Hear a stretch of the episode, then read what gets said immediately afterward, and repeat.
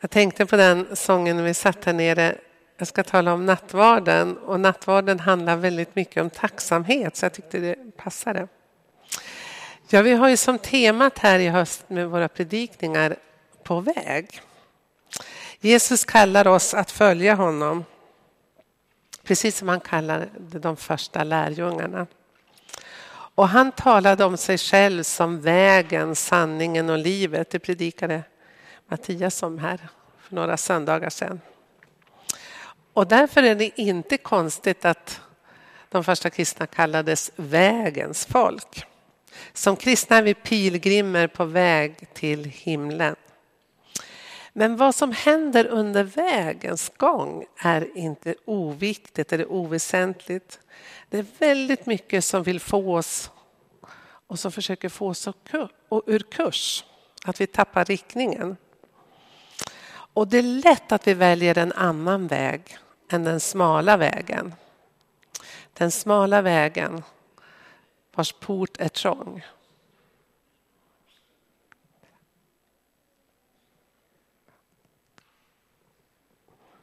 Jag blir lite störd.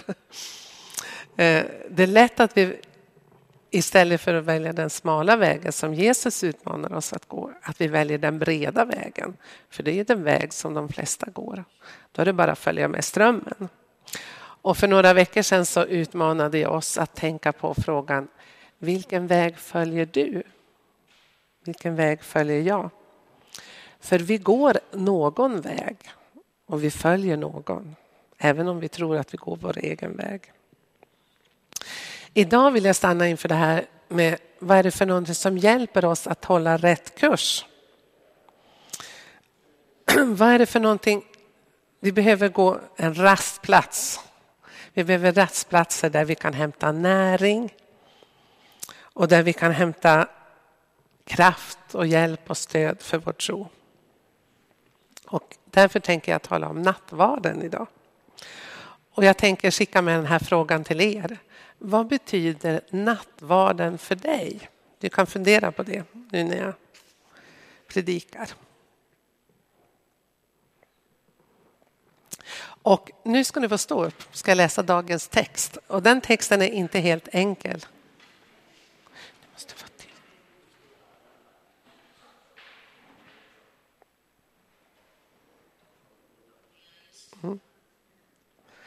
Ehm,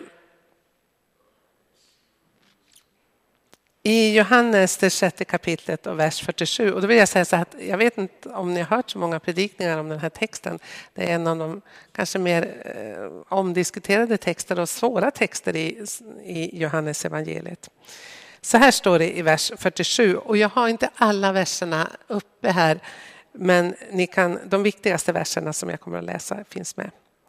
Sannerligen, jag säger er, den som tror har evigt liv. Jag är livets bröd. Det är Jesus som säger det. Men brödet som kommer ner från himlen är sådant att det som äter det av det inte ska dö. Jag är det levande brödet som har kommit ner från himlen. Den som äter av det brödet ska leva i evighet. Brödet jag ska ge är mitt kött. Jag ger det för att världen ska leva. Judarna började då tvista med varandra om hur han kunde ge dem sitt kött att äta. Jesus svarade, sannerligen jag säger er, om ni inte äter Människosonens kött och dricker hans blod äger ni inte livet. Den som äter mitt kött och dricker mitt blod har evigt liv och jag ska låta honom uppstå på den sista dagen. Till mitt kött är verklig föda och mitt blod är verklig dryck. Den som äter mitt kött och dricker mitt blod förblir i mig och jag i honom. Nu får ni sitta ner.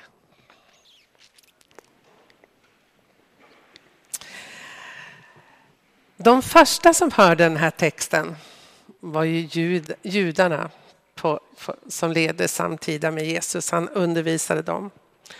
Och det var nog så att det var inte bara det att de blev förargade eller förbryllade. De kanske undrar vad menar Jesus när Jesus säger att vi måste äta och dricka hans kött och blod. Utan de blev inte bara förbryllade utan även förargade som vi ser här. Och de tvistade med varandra och undrade vad är det för någonting Jesus menade. Och det är klart att när vi tänker efter om ni skulle höra någon säga att ni måste äta mitt kött och dricka mitt blod så skulle vi tycka att det är helt makabert, eller hur? Och för en jude så var ju dessutom det är inte ens tillåtet att äta blod som kommer från djur. Alltså man äter ju ingen blodmat överhuvudtaget och man är väldigt, väldigt angelägen om att när man slaktar ett, ett djur som man sen ska äta att man verkligen tömmer djuret på all blod och man saltar det och allting sådär så att allt blod ska vara ut, borta från köttet. Det är inga blodiga biffar där om man är en troende och from jude. Så det här var en oerhört provocerande text för de första som hörde det och lyssnade till Jesus. Men för de som läste den här texten första gången, alltså för Johannes som skrev ner texten, han skrev ju ner det till de första kristna. För dem var det inte alls lika provocerande. För, för, för det var ju liksom ungefär 30 år efter det att Jesus hade dött. Man tror att Johannes evangeliet skrevs någon gång i början av 90-talet efter Kristus. Då läste de texten i ljuset av Jesu död och uppståndelse och i ljuset av att Jesus hade instiftat nattvarden. Och då ska vi läsa den texten. kanske blir mer begripligt. Vi går på nästa bild. Det här hände sista kvällen Jesus var tillsammans med sina lärjungar ifrån Matteus 26 och 26. Medan de åt tog Jesus ett bröd och efter att han läst tackbönen bröt han det, gav åt lärjungarna och sa Tag och ät, detta är min kropp. Eh, som en parentes kan jag säga att det här var ju en påskmåltid. Och man åt bröd och man drack vin under den här påskmåltiden. Tag och ät, detta är min kropp. Och så tog han bägaren och efter att ha tackat Gud gav han den åt dem och sa drick av den alla. Detta är mitt blod. Förbundsblodet som blir utgjutet för många till syndernas förlåtelse. Jag säger er, nu kommer jag inte att dricka av den, det som vinstocken ger förrän jag dricker det nya vinet med er i min faders rike. Lägg märke till att Jesus säger att brödet är min kropp och att vinet är mitt blod. Och I Lukas evangeliet så säger han att ni ska äta den här måltiden och dricka vinet och brödet och påminna er om vad jag har gjort för er. Och sen slutar med att säga att jag ska inte dricka något mer av vinstocken förrän jag dricker det nya vinet med er i min faders rike. Och varje gång vi firar nattvard så påminner vi oss ju om att en dag ska Jesus komma tillbaka. Så vi både liksom talar om någonting som har hänt i nattvarden. Jesus har dött och uppstått. Och vi tar emot det nu. Och vi ser fram emot den dag när vi ska liksom fira den himmelska måltiden tillsammans med Jesus. Vi kan ha det här i minnet nu när vi går tillbaka till texten, eller vi ska tänka på texten i Johannes evangeliet. Syftar den texten på nattvarden? Ja, det faktiskt har varit väldigt omdiskuterat. Du kan gå tillbaka bara snabbt till bilden innan. Är det svårt det? När Jesus säger att vi ska äta hans kött och dricka mitt blod. Ät mitt kött och drick mitt blod. Och de första kristna de tänkte ju att den här texten, det är klart att Jesus syftade framåt mot sin död och sin uppståndelse. Han syftade fram mot nattvarden. Men på 1500-talet i och med reformationen så var det också, det var inte så att Luther bara mm, protesterade mot avlatsbreven utan han protesterade också mot den katolska läran om nattvarden. Och det blev en väldig diskussion vad egentligen nattvarden betyder och vad den innebär. Och då ska jag ge kort det, så nu får vi gå framåt lite grann igen. Olika nattvardssyn. Den katolska nattvardssynen är så här att när prästen ber för brödet och vinet så förvandlas brödet och vinet i sin substans och det blir Kristi kropp och blod. Det förvandlas Med ett fint ord så kallas det transsubstantiationsläran. Jag kan knappt säga det själv. Brödet och vinet förvandlas. Och det var en lära som man i den katolska kyrkan fastställde först 1200, på 1200-talet efter Kristus.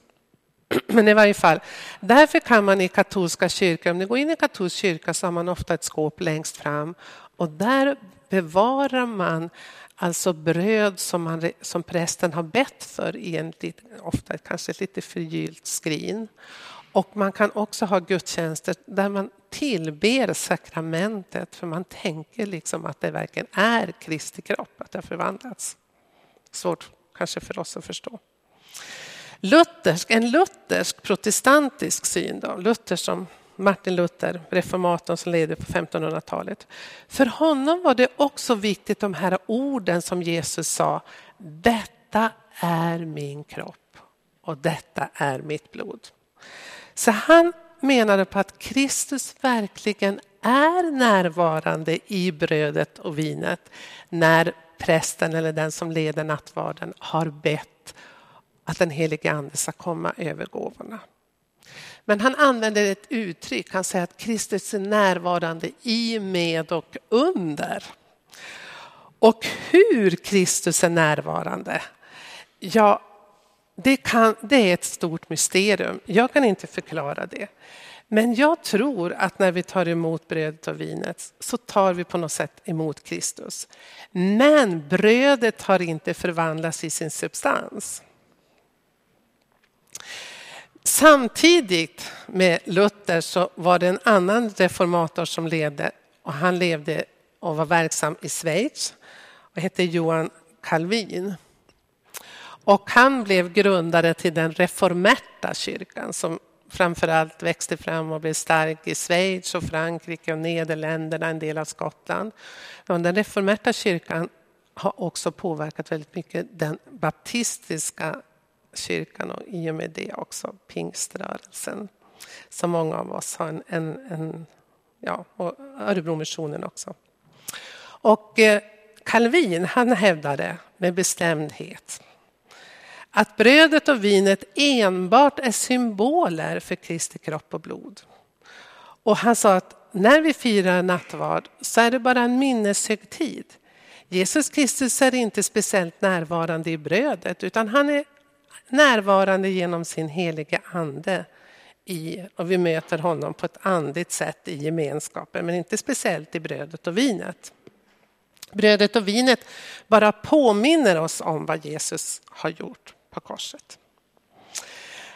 För alla reformerta, alla som står i den här traditionen, så kom därför nattvarden inte att bli så jätteviktig och man firade inte nattvard så ofta. Utan det var ordets förkunnelse som blev det viktiga. Och det är de reformerta och baptister och sådär, tidiga baptister som ifrågasätter att Johannes 6, alltså den text som jag läste, handlar om nattvarden. Han tror inte det. Men jag tänker så här, men om Jesus, om Jesus inte syftade på nattvarden i den här texten, vad betyder den här texten då? Då blir den ju jätte, jättekonstig. Jag vet inte om ni håller med mig. Ja. Själv växte jag ju upp i en pingsförsamling som ni vet och med en mycket reformärt syn på nattvarden. När vi firade nattvard, det har jag sagt många gånger, det var liksom väldigt allvarligt. allvar, en allvarlig stund. Vi firade nattvard en gång i månaden och det var bara församlingens medlemmar som var närvarande. Och eh, man var ofta kanske lite, de som ledde nattvarden var mörkt klädda. Det skulle vara otänkbart att en kvinna skulle leda nattvarden och framförallt inte en rosa kofta. Nej, man hade svart kostym och slips, eller hur? Känner ni igen er, ni som är uppvuxna här i, i, i Korskyrkan på 50, och 60 och 70-talet var likadant här. Det var allvarligt, högtidligt, vördnadsfullt. Men man tänkte att man mer firade som en åminneshögtid. Alltså i teorin i varje fall så tänkte man inte att brödet och vinet förmedlade någonting från Kristi. Alltså, brödet och vinet förmedlade inte Kristi närvaro. Är ni med? Tänk. När jag själv läste teologi i mitten på 80-talet på vår Örebro missionsskola så växte en övertygelse fram hos mig att den lutherska nattvardssynen var mycket mer biblisk än den reformerta. Det får ni slå mig om ni inte håller med mig. Men, nej, slå mig inte, men ni får diskutera med mig. Ja, men i varje fall, jag har idag en luthersk nattvardssyn, tycker den är mer biblisk. Och just på grund av att jag har svårt att komma förbi det här att Jesus säger Tag och ät, detta är min kropp. Tag och ät, detta är mitt blod. Och jag har lagt märke till, jag har ju varit pastor i 25, snart 30 år, i många olika EFK och EM-församlingar och lagt märke till att även om man i teorin kanske har en reformärt nattvardssyn så har man på något sätt inom sig någon slags känsla för att när jag tar emot brödet och när jag tar emot vinet så är det inget vanligt bröd och inget vanligt vin. Eller hur? Alltså man kan ha en tanke i hjärnan och en helt annan i hjärtat. Man känner på något slags intuitivt att brödet och vinet är inte riktigt ett vanligt bröd och vin. Utan när jag tar emot det så är Kristus närvarande på något sätt genom den helige Ande i brödet och vinet. Om vi går till nästa bild och går tillbaka till texten. Jag tror att det handlar om att tro och ta emot och förbli. Jesus säger i kapitel 6 i Johannes, fyra gånger så använder han det ordet sannerligen. Och varje gång Jesus vill säga någonting väldigt, väldigt viktigt så säger han sannerligen. Som betyder amen, amen. Nu säger han något väldigt viktigt. Nu ska ni verkligen lyssna. Och vers 47 så säger han sannerligen jag säger det, den som tror har evigt liv. Och det här är viktigt därför att genom hela Johannes evangeliet, ja, genom hela Nya Testamentet, men särskilt i Johannes evangeliet så betonas det gång på gång på gång på gång. Det är tron på Jesus Kristus som frälsar oss. Alltså när vi tar emot Jesus Kristus i tro och bekänner hans namn. Så tron är viktig.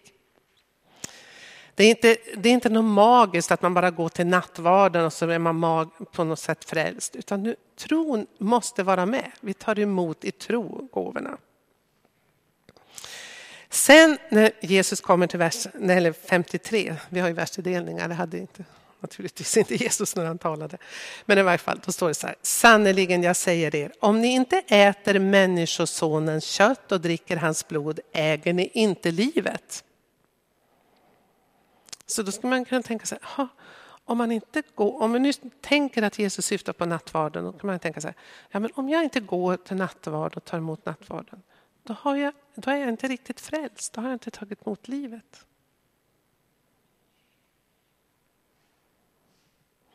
Nästa vers, vers 54, är lite mer positivt. Det står så här, den som äter mitt kött och dricker mitt blod har evigt liv och jag ska låta honom uppstå på den sista dagen. Det är väldigt, väldigt positivt. Första är liksom lite negativt, den som inte. Och vers 54, den som äter, han förstärker det. Om man skulle tolka det här positivt, i dubbel bemärkelse, så ska man säga så här. För det första så är det viktigt att tro för att få evigt liv. Tro på Jesus Kristus. För det andra ska man kunna säga att det är viktigt att regelbundet gå och ta emot nattvarden för att bevara sig tron. För att få det eviga livet. Alltså båda delarna är viktigt. Och vers 55. Ty mitt kött är verklig föda och mitt blod är verklig dryck. Och det här med verklig föda och verklig dryck, då, åter, då anknyter, eller Jesus återknyter till det han har sagt i vers 35 tidigare i samma kapitel. Jag är livets bröd, den som kommer till mig skall aldrig hungra och den som tror på mig skall aldrig någonsin törsta. Det är ett fantastiskt ord.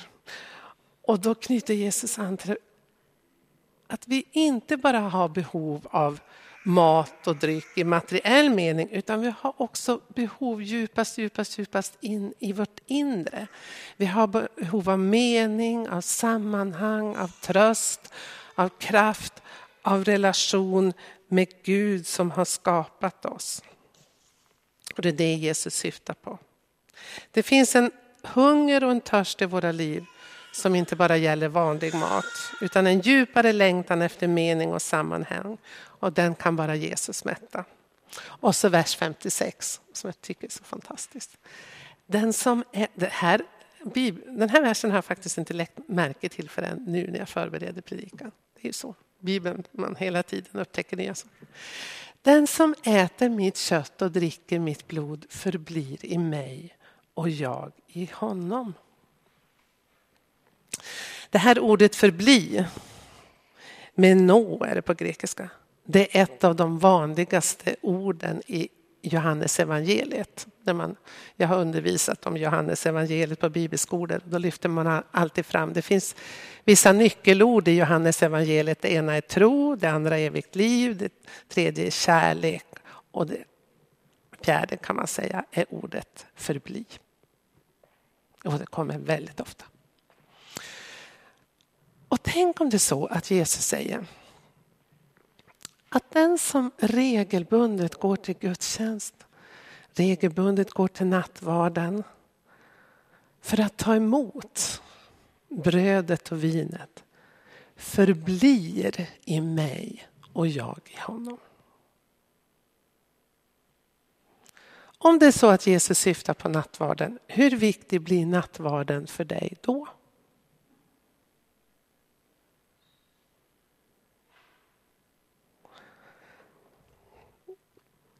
Ja, alltså för mig blir ju då nattvarden mycket, mycket viktigare eftersom jag har den här synen att jag tror det. Alltså, man kan ju gå till nattvarden varenda dag. Man kan då gå till nattvarden hur ofta som helst. Man behöver inte, det är inte som att man firar den en gång per år som vissa kyrkor gör eller en gång i månaden som vi gör. Utan man kan fira den ofta därför det är någonting som förenar oss med Kristus. Vi förblir i honom. Gud är ju den stora pedagogen. Så Gud vet att vi behöver konkreta ting som hjälper vår tro. Och det är därför han har uppmanat oss att låta oss döpas. Och när vi döper oss, och särskilt när vi gör det på ett baptistiskt sätt i troendedop, så vet ni att när man har blivit döpt, då översköljs hela kroppen med vatten. Det tycker jag är bra. I och för sig i den ortodoxa kyrkan, där döper man i Faderns, doppar hela barnet, och i Sonen doppar hela barnet, och i Andens namn doppar hela barnet tre gånger för att det verkligen ska... Ja. Men barnet kanske inte kommer ihåg det, men föräldrarna kan påminna om det. Det är något väldigt konkret. Kroppen är med. Och då tänker jag så här, när Jesus vill att vi ska komma ihåg att han har dött och uppstått för vår skull. Vad gör han då? Ja, då ger han oss någonting mycket, mycket konkret. Han säger att när ni delar brödet och vinet med varandra ska ni komma ihåg att jag har gett min kropp, Kropp, jag har offrat min kropp för er skull. Och jag har offrat mitt blod för er skull, för er frälsnings skull. Och när vi tar emot brödet så läggs frälsningen på vår tunga. Nu citerar jag en lärare på Missionsskolan. Frälsningen läggs på vår tunga. Vår kropp berörs väldigt konkret, precis som det berörs av vattnet när vi döps. Är ni med? Och jag tror att Gud Självklart. Han visste att vi behövde det här, de här konkreta sakerna. Inte bara i tanken sitta och tänka på att Åh, Jesus har dött och uppstått för mig.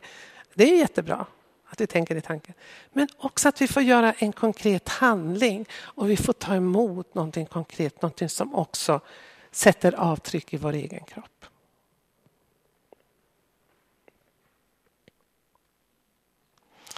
Tänk på de här orden. Den som äter mitt kött och dricker mitt blod förblir i mig och jag i honom. Varför firar vi nattvard? Ja, det är i allra högsta grad en tacksägelsemåltid. I, den, I grekiskan så talar man om eukaristi och det betyder just tacksägelse. Nattvard låter lite allvarstyngt och därför är det många som, kyrkor som har börjat sluta tala om nattvard utan man talar om eukaristi för man vill liksom betona just det här att, att Herrens måltid är en tacksägelse och en glädjehögtid. Så man behöver inte vara så allvarsam utan vi kan slå klackarna i taket och jubla och som ni brukar göra på arabiska. Alltså det är fantastiskt. Vi firar att Jesus har dött och uppstått för vår skull. Och vi kan inte nog lovsjunga Herren och prisa honom. Varje gång vi går till nattvarden så övar vi oss i tacksamhet. Vi tar emot vad Jesus har gjort för oss.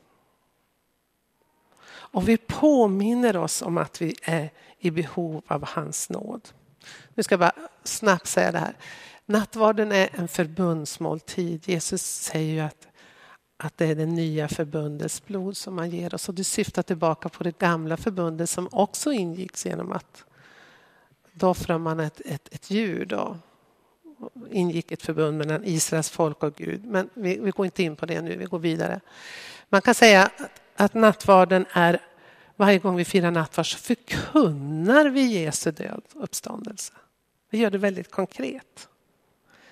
Och nattvarden hjälper oss att hålla riktningen och kursen. Nattvarden är förlåtelsens måltid. Vi tar emot syndernas förlåtelse. Men inte bara så här att det är någon hokus pokus eller någon, någon per automatik utan det är också viktigt att vi tar emot i tro. Jag vill betona det igen. Det är gemenskapens måltid. Alltså när vi delar bröd och vin med varandra då förenar vi oss också, förenas vi också till en kropp. Och vi påminner varandra om att vi är en del av en världsvid gemenskap där vi tillhör Kristi kropp världsvitt också. Och man kan, du kan fundera på det. Vad skiljer en gemenskap där man firar nattvard från en gemenskap där man inte gör det? Vad skiljer en gemenskap där man firar nattvard från en där man inte gör det? Ja, egentligen är det just nattvarden som konstituerar oss som en kristen församling, eller hur? Då gör vi det som är det mest centrala. Vi samlas runt Jesu död och uppståndelse, vad han har gjort för oss. Och nu ska jag vilja gå igenom vår nattvardsordning. När vi hade församlingshelg så hade vi samtal om gudstjänsten och gudstjänstens betydelse, lite grann om vår egen nattvards eller vår gudstjänstordning. Och jag tänkte att vi skulle titta på vår nattvardsliturgi. Jag vet inte om ni har tänkt på det, att vi egentligen har exakt samma moment alltid. Och det här är viktigt. Vad gör vi och varför gör vi det? Vi har syndabekännelse. Vi börjar nattvarden med att bekänna. Paulus han uppmanar oss att vi ska pröva oss innan vi äter och dricker brödet och vinet. Men i min barndomsförsamling så hade man ingen syndabekännelse. Därför vi var ju de rättfärdiga och syndarna var ju de där som inte gick i kyrkan. Ehm, otankbart att ha en syndabekännelse. Jag vet inte hur du känner inför syndabekännelsen. Oftast är det ju någon som idag, Christian, kommer att leda oss i en, en, en syndabekännelse. Och så ger vi en, en, stu, en stunds tystnad där vi var och en enskilt får bekänna inför Gud. Det kan ju kännas lite grann så här mekaniskt om man tänker så här att ja, men, man kanske inte just kommer på någonting som jag har, jag har gjort fel. Varför ska jag bekänna min synd idag? Jag, kan, jag vet inte, har jag gjort något fel den här veckan? Har vi det? Om vi tänker efter. Ja. Då ska jag vilja säga så här, syndabekännelsen behövs för den påminner oss om att vi är vanliga människor som hela tiden behöver Guds nåd. Det är det, vi är människor och vi behöver Guds nåd. Och Ingen av oss som sitter här tror jag kan säga att vi har levt ens en hel vecka utan att begå någon form av synd. Och den största synden är det att vi troligtvis inte har älskat Gud över allting annat och vår nästa som oss själv. Utan vi har satt oss själva i centrum. Alltså det viktigaste att älska Gud över allting annat. Jag tycker väldigt mycket om en formulering som, en av, som finns i en av syndabekännelserna i Svenska kyrkan när man bekänner, bekänner att jag har del i världens bortvändhet från Gud. Alltså att vi, det finns någonting i oss som är svårt att hålla oss riktningen att älska Gud över allting annat. Sen kommer förlåtelsens ord. Att den som leder nattvarden säger du är förlåten i Faderns och Sonens och den helige Andes namn. Sen kommer en tacksång, ofta vi sjunger tacksång. Vi lovar Gud. Sen kommer en tackbön. Jag ber en, en, en tackbön och instiftelseorden i den natt när Herren Jesus blev förrådd. Sen bekänner vi tillsammans. Och jag vet, nu har ni nästan glömt bort det, men det är sju, åtta år sedan när vi införde det. Det kändes lite konstigt att plötsligt skulle vi läsa högt tillsammans. Men den här bönen, Kristus din död förkunnar vi, din uppståndelse bekänner vi till dess du kommer åter i härlighet. Den tycker jag är fantastiskt att vi får bekänna tillsammans. För det är ju det nattvarden handlar om. Och när vi uttalar de orden tillsammans så gör vi det inför varandra, vi stärker vår tro, vi påminns om vår tro, men vi gör det också inför hela andevärlden. Är ni med? Det är något viktigt att göra det. Att bekänna tillsammans. Sen ber den som leder nattvarden en välsignelsebön över brödet och vinet. Kom heliga ande över oss som är samlade över brödet och vinet. Och jag tror att när man ber den heliga ande komma över brödet och vinet så sker någonting. Brödet förvandlas inte, det blir inte Kristi kropp och blod alltså i sin substans. Men Kristus blir närvarande i brödet och vinet. Inget hokus pokus, men lite övernaturligt. Ja, ni får diskutera det här sen om ni inte håller med mig. Sen ber vi bönen Fader vår och det tycker jag är viktigt att vi någon gång i vår församling tillsammans ber den bön som Herren har lärt oss. Sen läser vi välsignelsens bägare som Herren välsignar och brödet som vi välsignar. Och brödet som välsignar är ett enda bröd. Och så svarar vi alla, så är vi fast än många ett enda bröd. För alla får vi del av ett och samma bröd. Och en del kan kanske kan tycka att ja, men det är tjatigt det där. Men tänk så fantastiskt att få bekänna, för det handlar om det här med gemenskapen, att vi bekänner att vi tillsammans som delar brödet och vinet idag, vi är en enda kropp. Och vi får del av ett och samma bröd. Vi får del av Kristus tillsammans. Sen kommer fridshälsningen när vi hälsar på varandra. Och det är också för att vi ska se varandra och erkänna varandra som kristna bröder och systrar. Och att önska någon frid, det är det finaste man kan göra. För det, fridordet eirene, eirene på grekiska kommer från ordet shalom på hebreiska. Som, när man älskar någon shalom så önskar man den allt gott som finns. Hälsa, välgång, frid, fred. Ja, du kan, alla tänkbara positiva uh, som du kan komma på önskar man den människan. Och så är det utdelande och så är det avsluta med, med bön och välsignelsen. Jag sa det eh, när, vi, när jag hade undervisning, nu ska jag avsluta med det, på vår gemenskapshelg att för många år sedan så samtalade jag med en kvinna som gick, hade sin hemvist i Svenska kyrkan och hon sa så här att det viktigaste för mig i en gudstjänst är syndabekännelsen. Om det möjligen var Fader vår och sen var det välsignelsen. Och hade hon fått det då tyckte hon att det var en gudstjänst. Och, och jag som var baptist och liksom, vet, med predikan är ju viktigast. Allt jag kunde liksom inte fatta det. Men hon hade förstått något väldigt viktigt. Det är viktigt att komma till kyrkan och erkänna jag behöver din nåd Gud. Det är viktigt att be. Och det är fantastiskt att få ta emot Guds välsignelse och nåd. Nu ber vi. Tack Herre för att vi får fira gudstjänst och vi får fira nattvard tillsammans och dela gåvorna med varandra. Ber att du ska vara med oss. Amen.